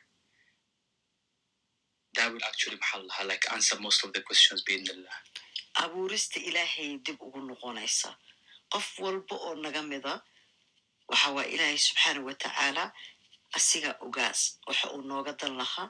Qof walba maskaxdeeda si gaar ah u sameeyey fiiri dareemada bini aadanka marka laga hadlaayo. Shan dareemoodaa lagu sheegaa kor ahaan meelaha wax kaa soo gelayaan. Aan shan shan irdood oo dareemadaada aad ka qaadato. Dareemadu way badan yihiin laakiin shan irdood waa maxay? Waa aragga. Waa maqalka. Waa dhadhanka. Waa neefsashada calashaan urta iyo taabashada. Adiga miis taqaanaa dareenkaaga intuu ka soo galaa. Waxa aad dhegta ka maqasho ma aad ku fajac geliya mise waxa aad dhedhemiso mise waxa indhaha aad ka aragto. Hadiyad haddaad jeceshaa in lagu keeno micnaheedu waxay tahay okay indhaha waxaa ka aragtidaa jeceshaa waxaa taabatidaa jeceshaa labadaasba way noqon kartaa. Laakiin hadiyadba in lagu keeno haddayna qiimo kuu lahayn laakiin hadalka macaana lagugula hadlayaa jeceshaa haddaba dareemadaadi dhegahay mareen maqalkay mareen. Marka adiga mis taqaanaa horta dareemadaada xaggay maraan. Waalidkaaga iyo adiga isku jid muu idiin maraa waxyaalahaasoo dhan wuxuu u baahan yahin waa cilmi in dadkii bartaan. Annaga soddon sana waddankeenu dagaal ku jiray qurbahan ku kala baahnay ilmaheenni waxyaalihii way baranayaan. Gurigii markay yimaadaan laakiin yaa la fahmaya qofkii la fahmaysaa laga rabaa aa la yska rabaa. Marka waalidku waxaa kula talinayaa inay cilmiga raadsadaan kuwa fursadda u haysta culimmadana waxaan kula talinayaa shacabku adinka idin dhegaystaane cilmiga barta maadiga ah. Diintuna waa cilmi maadiguna waa cilmi. Labadooda isku barta si bulshada waajibka idinka saaran aad uga soo baxdaan sababtoo ah haddaad qur'aanka keliya baratid aakiradii kama dhammaanaysid. Saa ogtahan ilaahay asaana keena adduunka. Asaa nafta noo daaya asaa qofba maalin qaadaaya qof kale oo naftayda qaadi karta male si kasta ood ugu tala gashay inaad aniga ii disho haddayna saacaddaydii ahayn haddaan alla ugu talagelin ima taaban kartid. Faxdi kale alla ii furaaya ilaahu maaragtay ciidan kale meel aanan ogeyn ka soo baxo. Wax unba imaanaya ka hortaga waxaas. So waajibkana saaran haddaan nahay dad waaweyn ubadka naga saaran waa inaan qaadanaa bulshada naga saaran waa inaan qaadanaa cilmi markaad yeelatay waajib kaasahaa ku koray haddii marka cilmiga kugu yar yahay haddii marka cilmiga kugu yar yahay waa in aad adiga marka is ogaatid. Waa inaad mas'uuliyaddaadii marka tirahda aniga cilmigayga ma buuxo cilmigaan soo badsanaya oyna ahayn cilmiga aan aqaano aniga ugu filan yahay. Ubadkaygaan ku barbaarina naftayda hayna bulshada hala soo hor fariisa waadna sii dhantaalaysaa markaas. Dhibaatadeeday leedahay.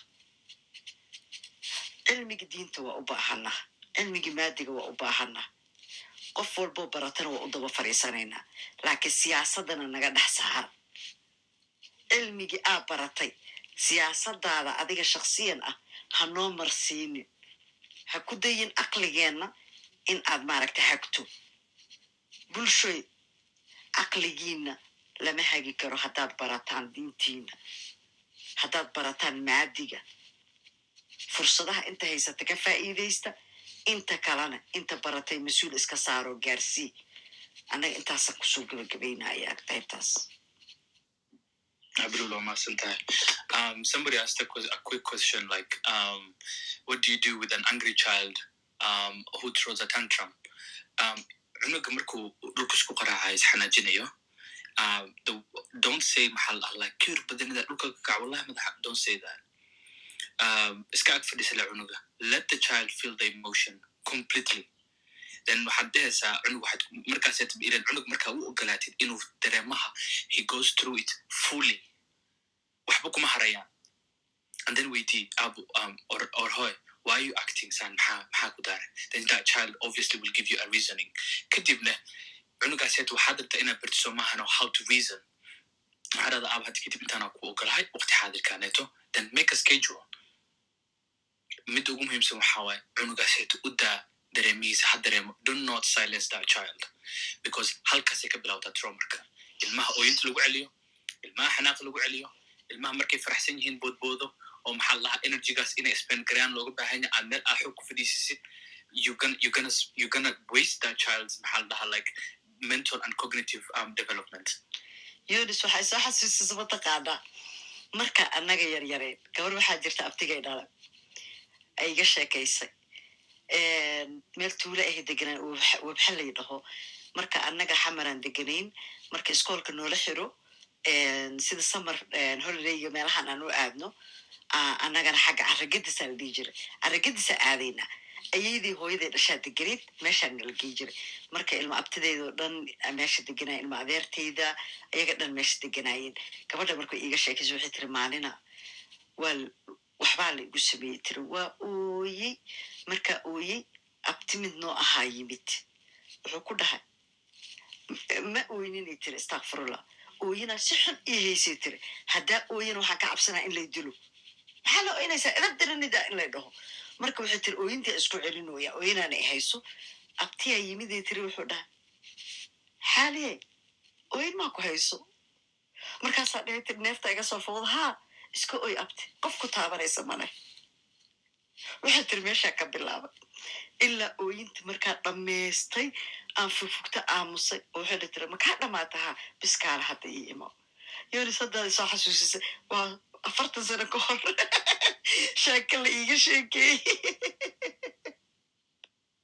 waa wax xaqiiqa ilmaha markaad tiraadid calaashaan o uu dhulka isku garaaco okay adigaa iskale jirkaaga animaa kula leh haddaa rabta isdil aqolku ku jiran uga baxdid ase xataa shakiga gelaayo wuxuu dhahaya going on waayo hooysaas kuu dhahda ama aabasaas kuu dhahay wax yar kadib asoo socdaasaa kaa daba imaanaya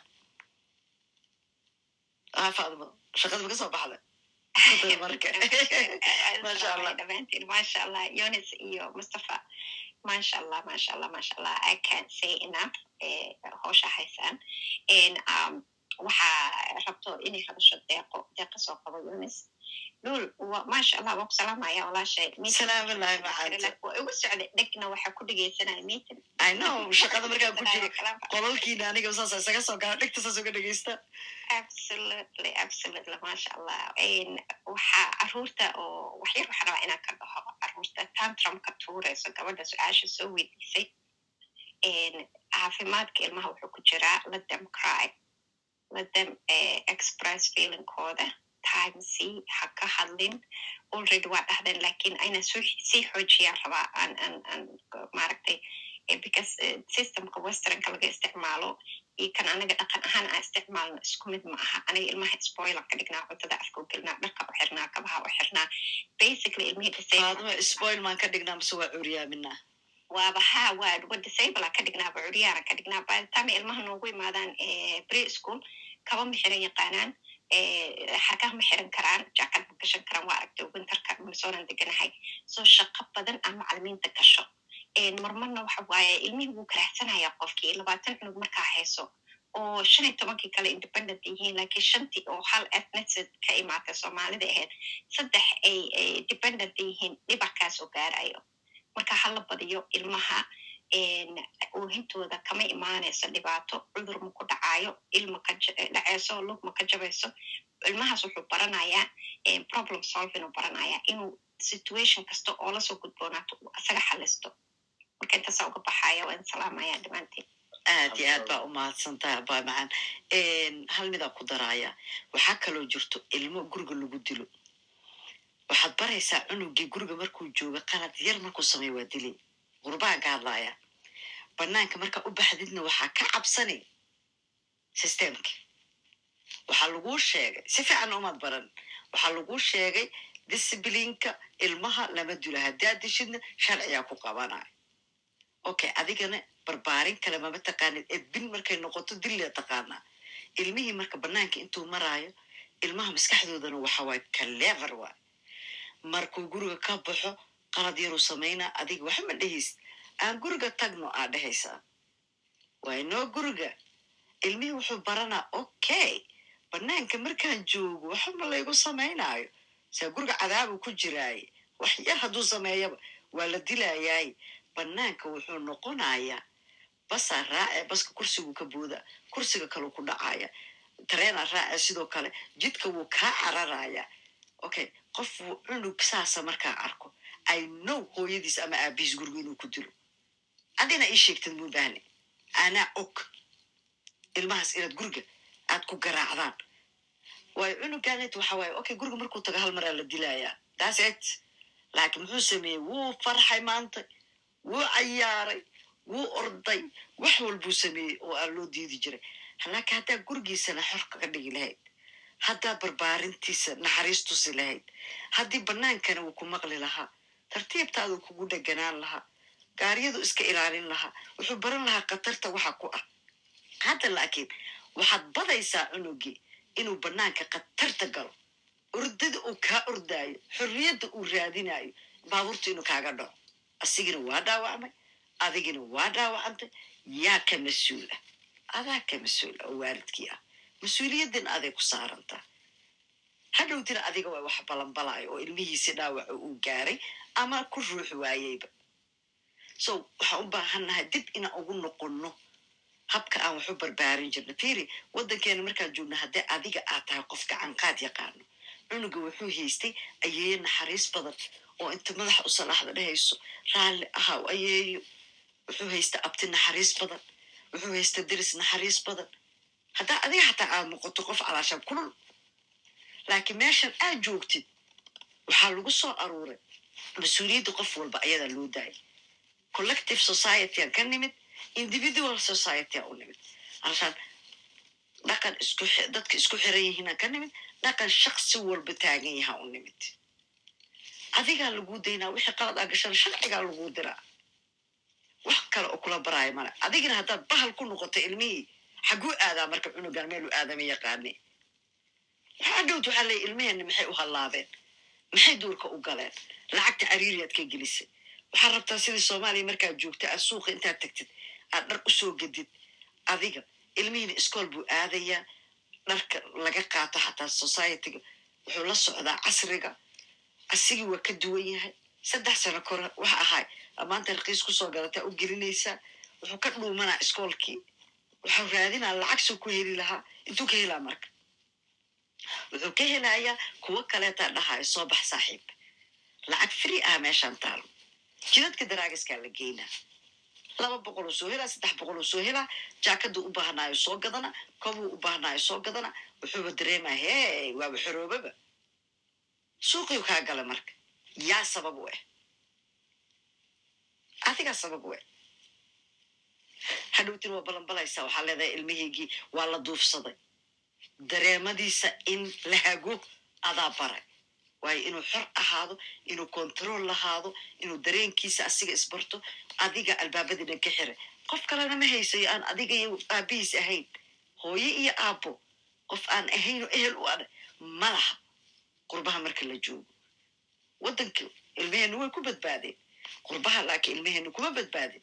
Waxaa ku badbaada keliya labada waalid ee gartay dhaqankay yimaadeen ee bartay ee la jaan qaada ilmahoodu way badbaadeen labada laakiin dhaqankan waa dhaqan gaalo dhaqankan aniga ma lahaan jirin maskaxdooda ku xiray dilkiina ilmaha ka daba wada ayagina xataa isdilayaan ee cunuga xataa guriga inuu ka carara badaayo. Aabii hooy maanta dha isku qaylinayo cunug la joogi kara mala. Aabuhu hadduu hooyada dilayana kama sii daranba. Caawa maba seexdo cunugaasu habeen kasta hooyadiisu ilaalina. Wuxuu leeyahy caawa amuu dili rabaa subax markuu iskoolka tago uu kursiga ku hurdana waalidkii haddana sharciga qabsana waxaa le ilmaha nadaafad nadaafadiisana ma fiicno. Kursigan markuu ku hurdaayo gurigii kuma seexayo maxaa sababaayo cunugii waa la wareysanaa. Wuxuu sheegaa marka wixii guriga ka jira.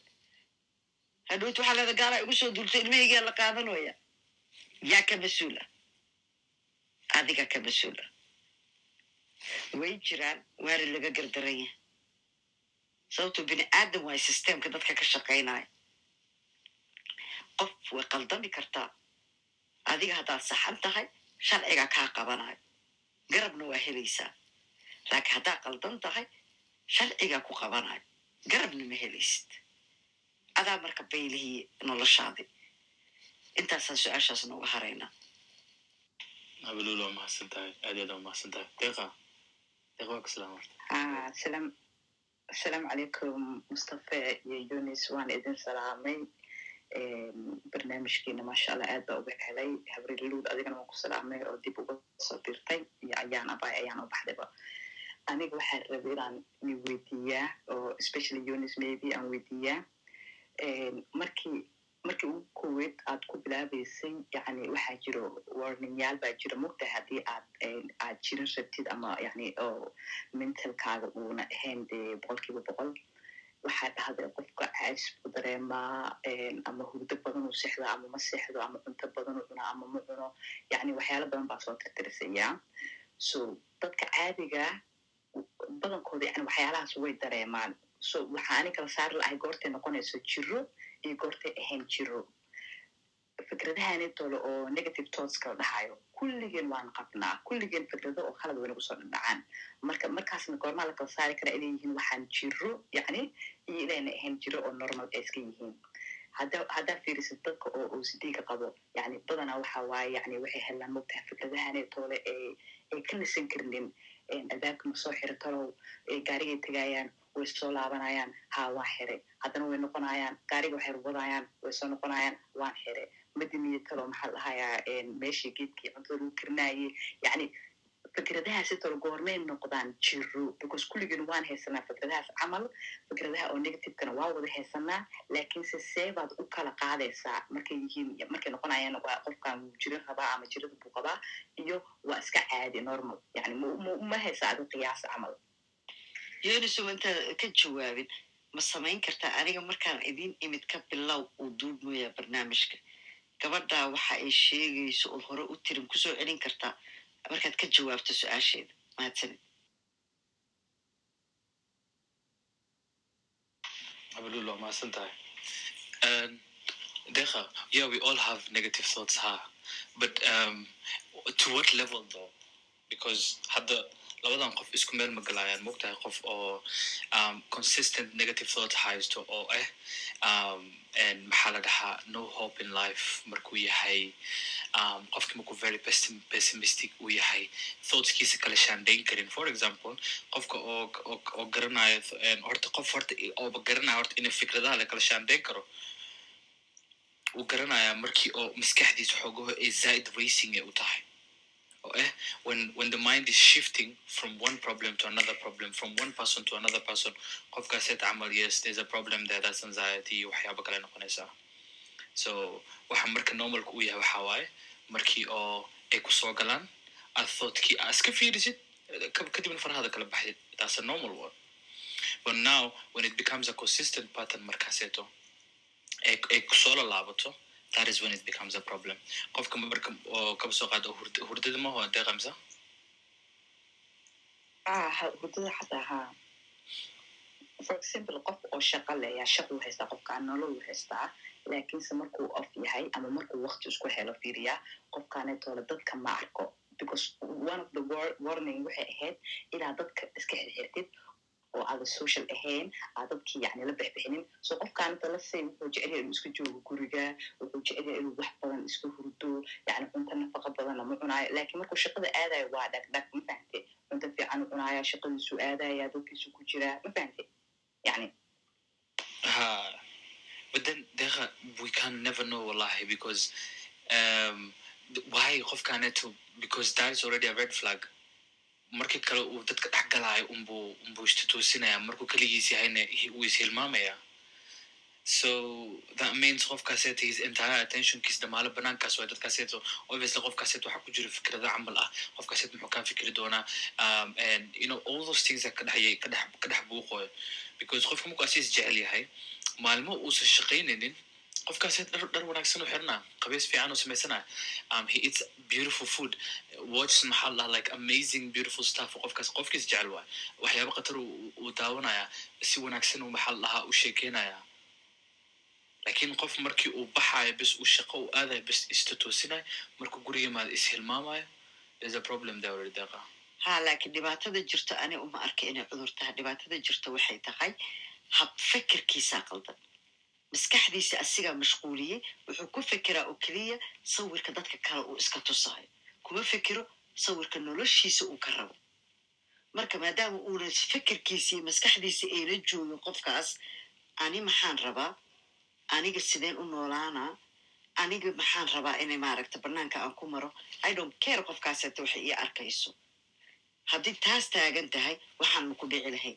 Laakiin maskaxdiisa dhana waxay ku kooban tahay dadka say ii arkaan dadka say ii arkaan maskaxda maanta dhan dadka say ii arkaan haddaad leedahay maxay kugu samaynaysaa mar kasta activey noqonay aadaad u tegaysid marka aadan kaligaa joogtidna way kaa seexanay markay kaa seexata marka jirkaagi maba rabi kaliga hatee maba u baahnid inaad wax qabatid gumayska xataa hilmaamaysa wax kale iska dhaaf hab fikirkiisu u baahan yahay qofkaas inuu bedelo dakhtar uma baahno waa ka bax that's very true unis yar ku sii dari lahaa waxaa jirta dadka personalityga. Dad waxaa jira introverted ah iyo dadkana qaarna waa extrovert wey waxay jecel yihiin.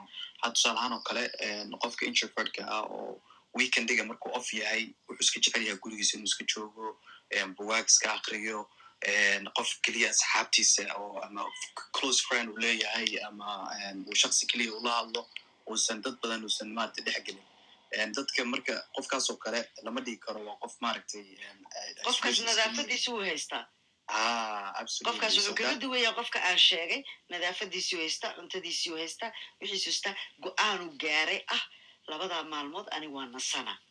Buuq badan mu baahni.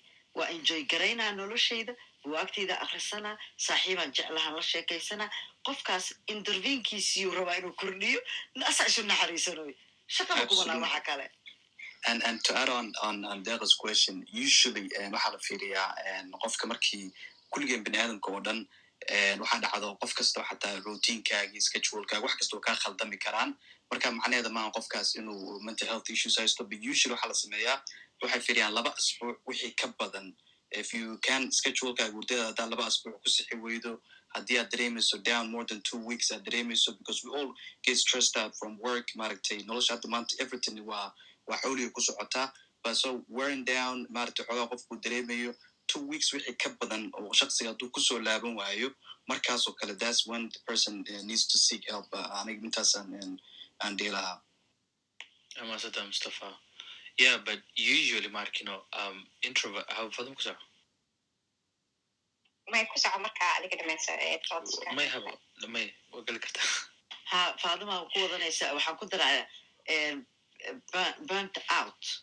Alaashaan in hawsha kaa badato kaa badato kaa badato markaaseeta jirkaaga wuu daala daala daala daala daalkii wuu dhaafa daal markaaseeta hurdumaba imaan kartaba sababto jirkaaga wuxuu gaaray heer daalkii intuu ka batay hurdo la'aanta markay ku sii darsoonto waxawaaye wuxuu gelaa sirkal aad u qaab daran.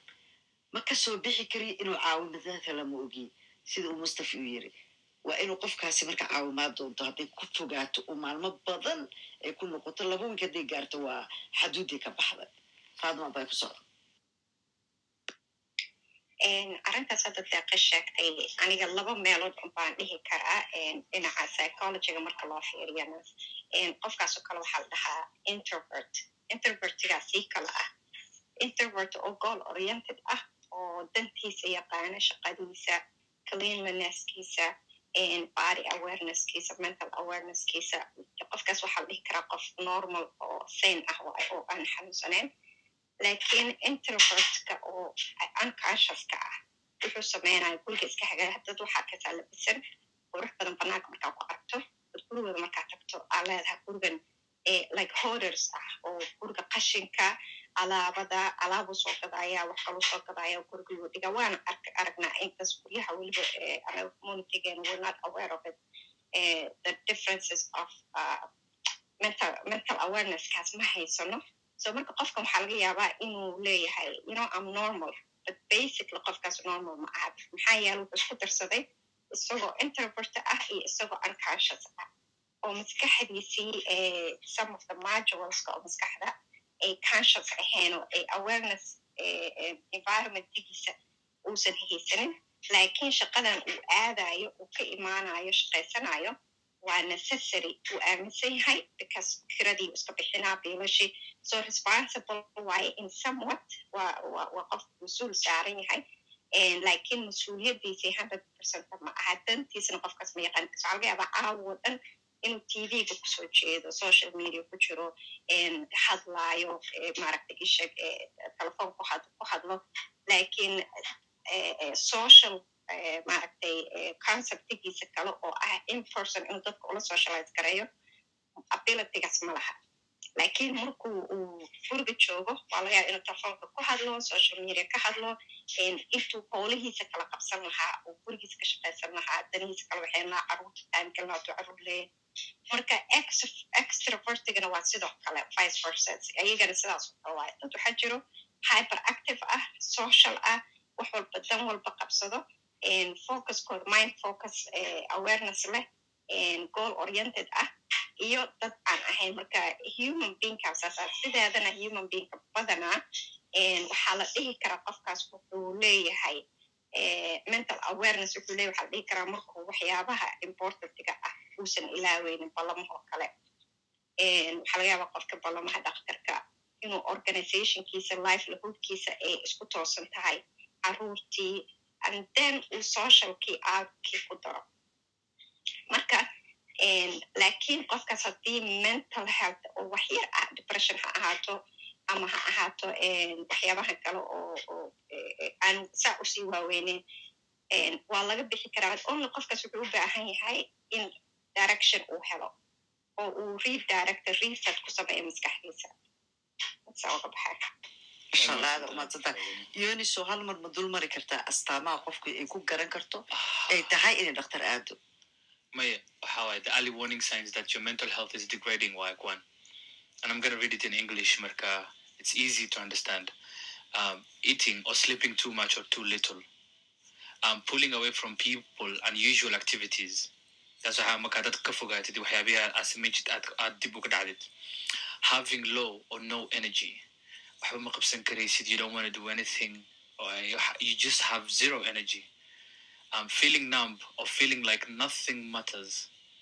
Wax walba dhamaale waxaa lahaa like wax macno low ma arkaysid you just feel completely distorted adi dhamaale maqara jooga dadka ay dhahaan waa uh, like waxaad markaaseeto noloshooda macno ku leh ma lahan having unexplainable aches and pains. Waxaa ku haya xanuuno aadan tilmaami karaynin waxay yihiin.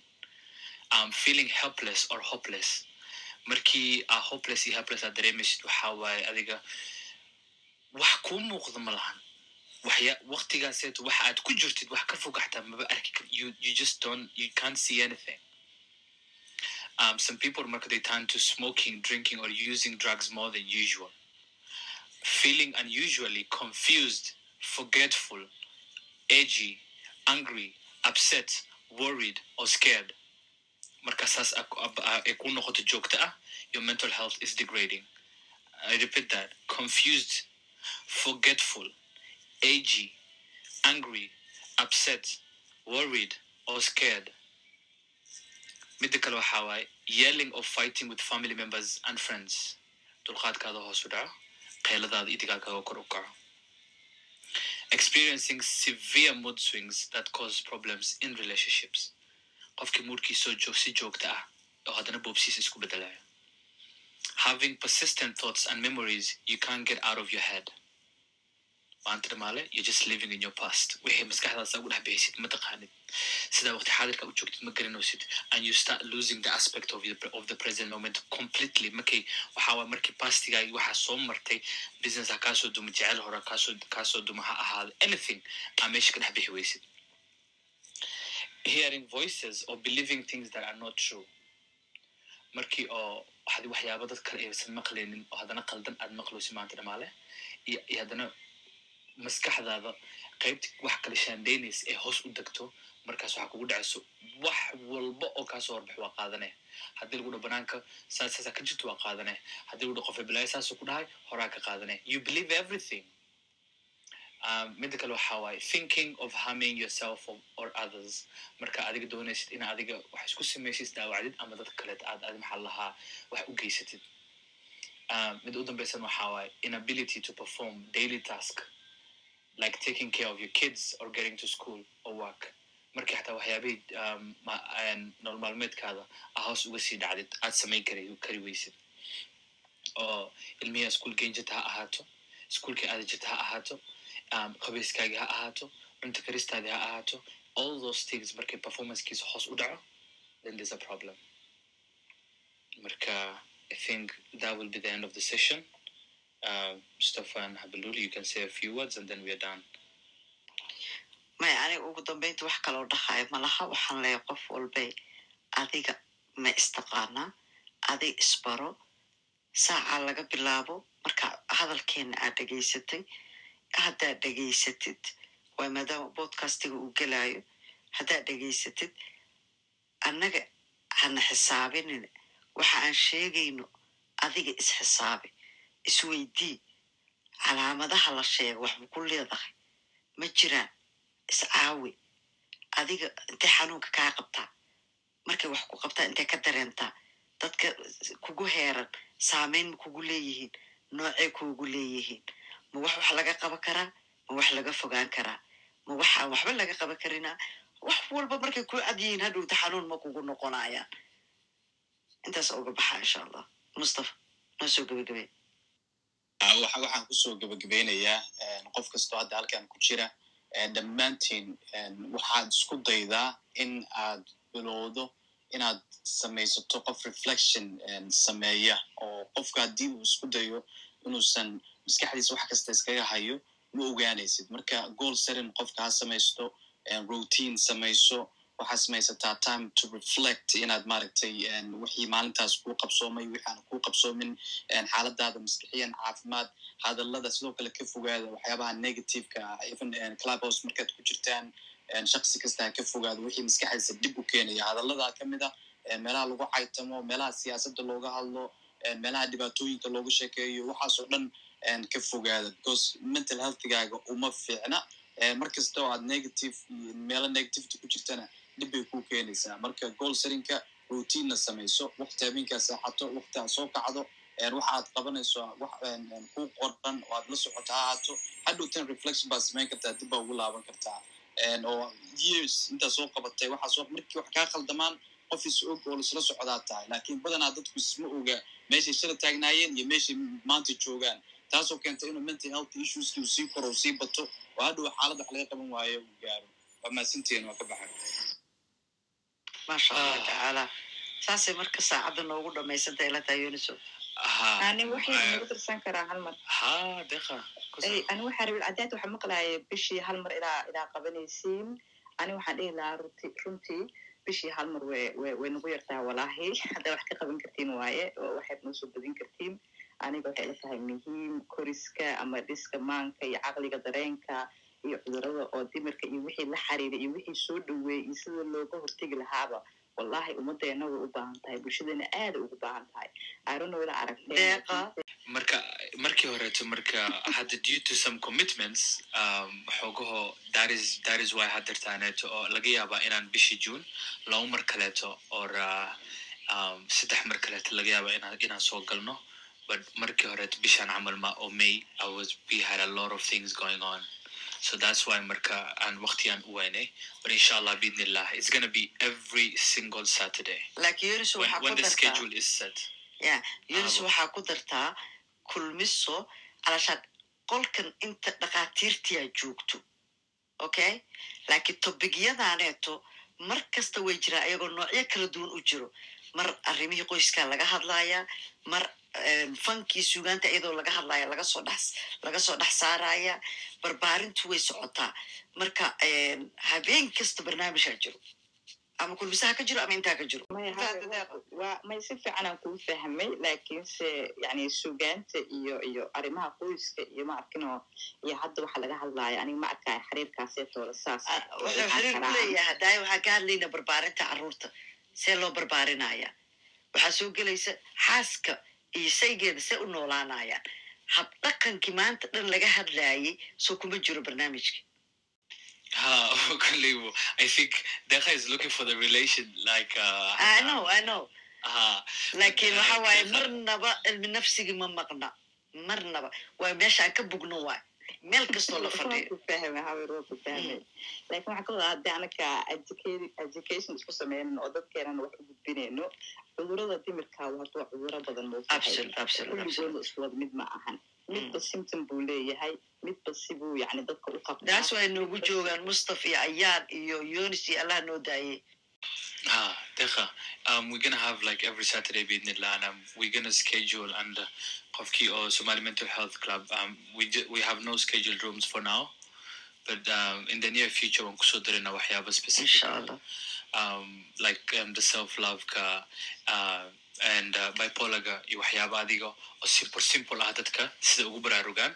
Kadibna now they can at least aniga I don't support in dadka maxaa la dhahaa like waxyaabo overwhelming ah la siiyo. Qolkan xataa we actually schedule for two hours but right now it's running for maybe two hours thirty minutes camal marka hore waxaan rabna un dadka inaan waxyaabo yarise qofka uu uu ku baraarugi karo. And do not overwhelm yourself yeah we some of us anaka xataa waxaan dhamaale like gadaal dambaan ka barana the basic thing waxa waaye inaad fahanto dhan waxayna jiraan adigana ina hadda kadib you just become conscious le why am I doing what I'm doing waxyaabahaas le aan rabnay kadib maxaa lahaa inaan si fiican u guda galno and now how you can actually improve your life. Because markii maankaagu si wanaagsan u shaqaynayo your life changes. saa dadka ula hadashid habkaa u fikirtid nolol maalmeedkaaga meeshuu hankaaga hore u gaari jiray maxaa lacagta ka aaminsan tahay every single thing changes. Nothing remains the same. So we're gonna have like specific topics scheduled in the room but it's gonna be every saturday biidnillah so um habalul with that habar aadayna kugu mahad mahadnaqaya cilmigiina inaad bulshada dhex keenteen inaad waktigiina huraysiin. Ilaahay subxaana watacaala ajri xasanaad haydinka siiyo labadiina iyo walacaataba. Waa badantihiin inta qolkan ku xiran oo dhan amin habo amin amin amin mustafa yidaan soma waa mahadsan tahay dhammaan dhalinyarada ka soo qayb gashay habaluul dadka barnaamijka ku taxanaan doona dhammaantiin waa mahadsan tihiin barnaamij taxanaha oo qaybo badan taabanayana unis somali health club waa ka baran doontaan waa mahadsantihiin dhammaantiin waayo waan salaamaya Thank you everybody for listening. Assalamu alaikum wa rahmatullahi wa barakatuh. barakatuh. And the room is going to shut down in three, two, one. Ma'salam.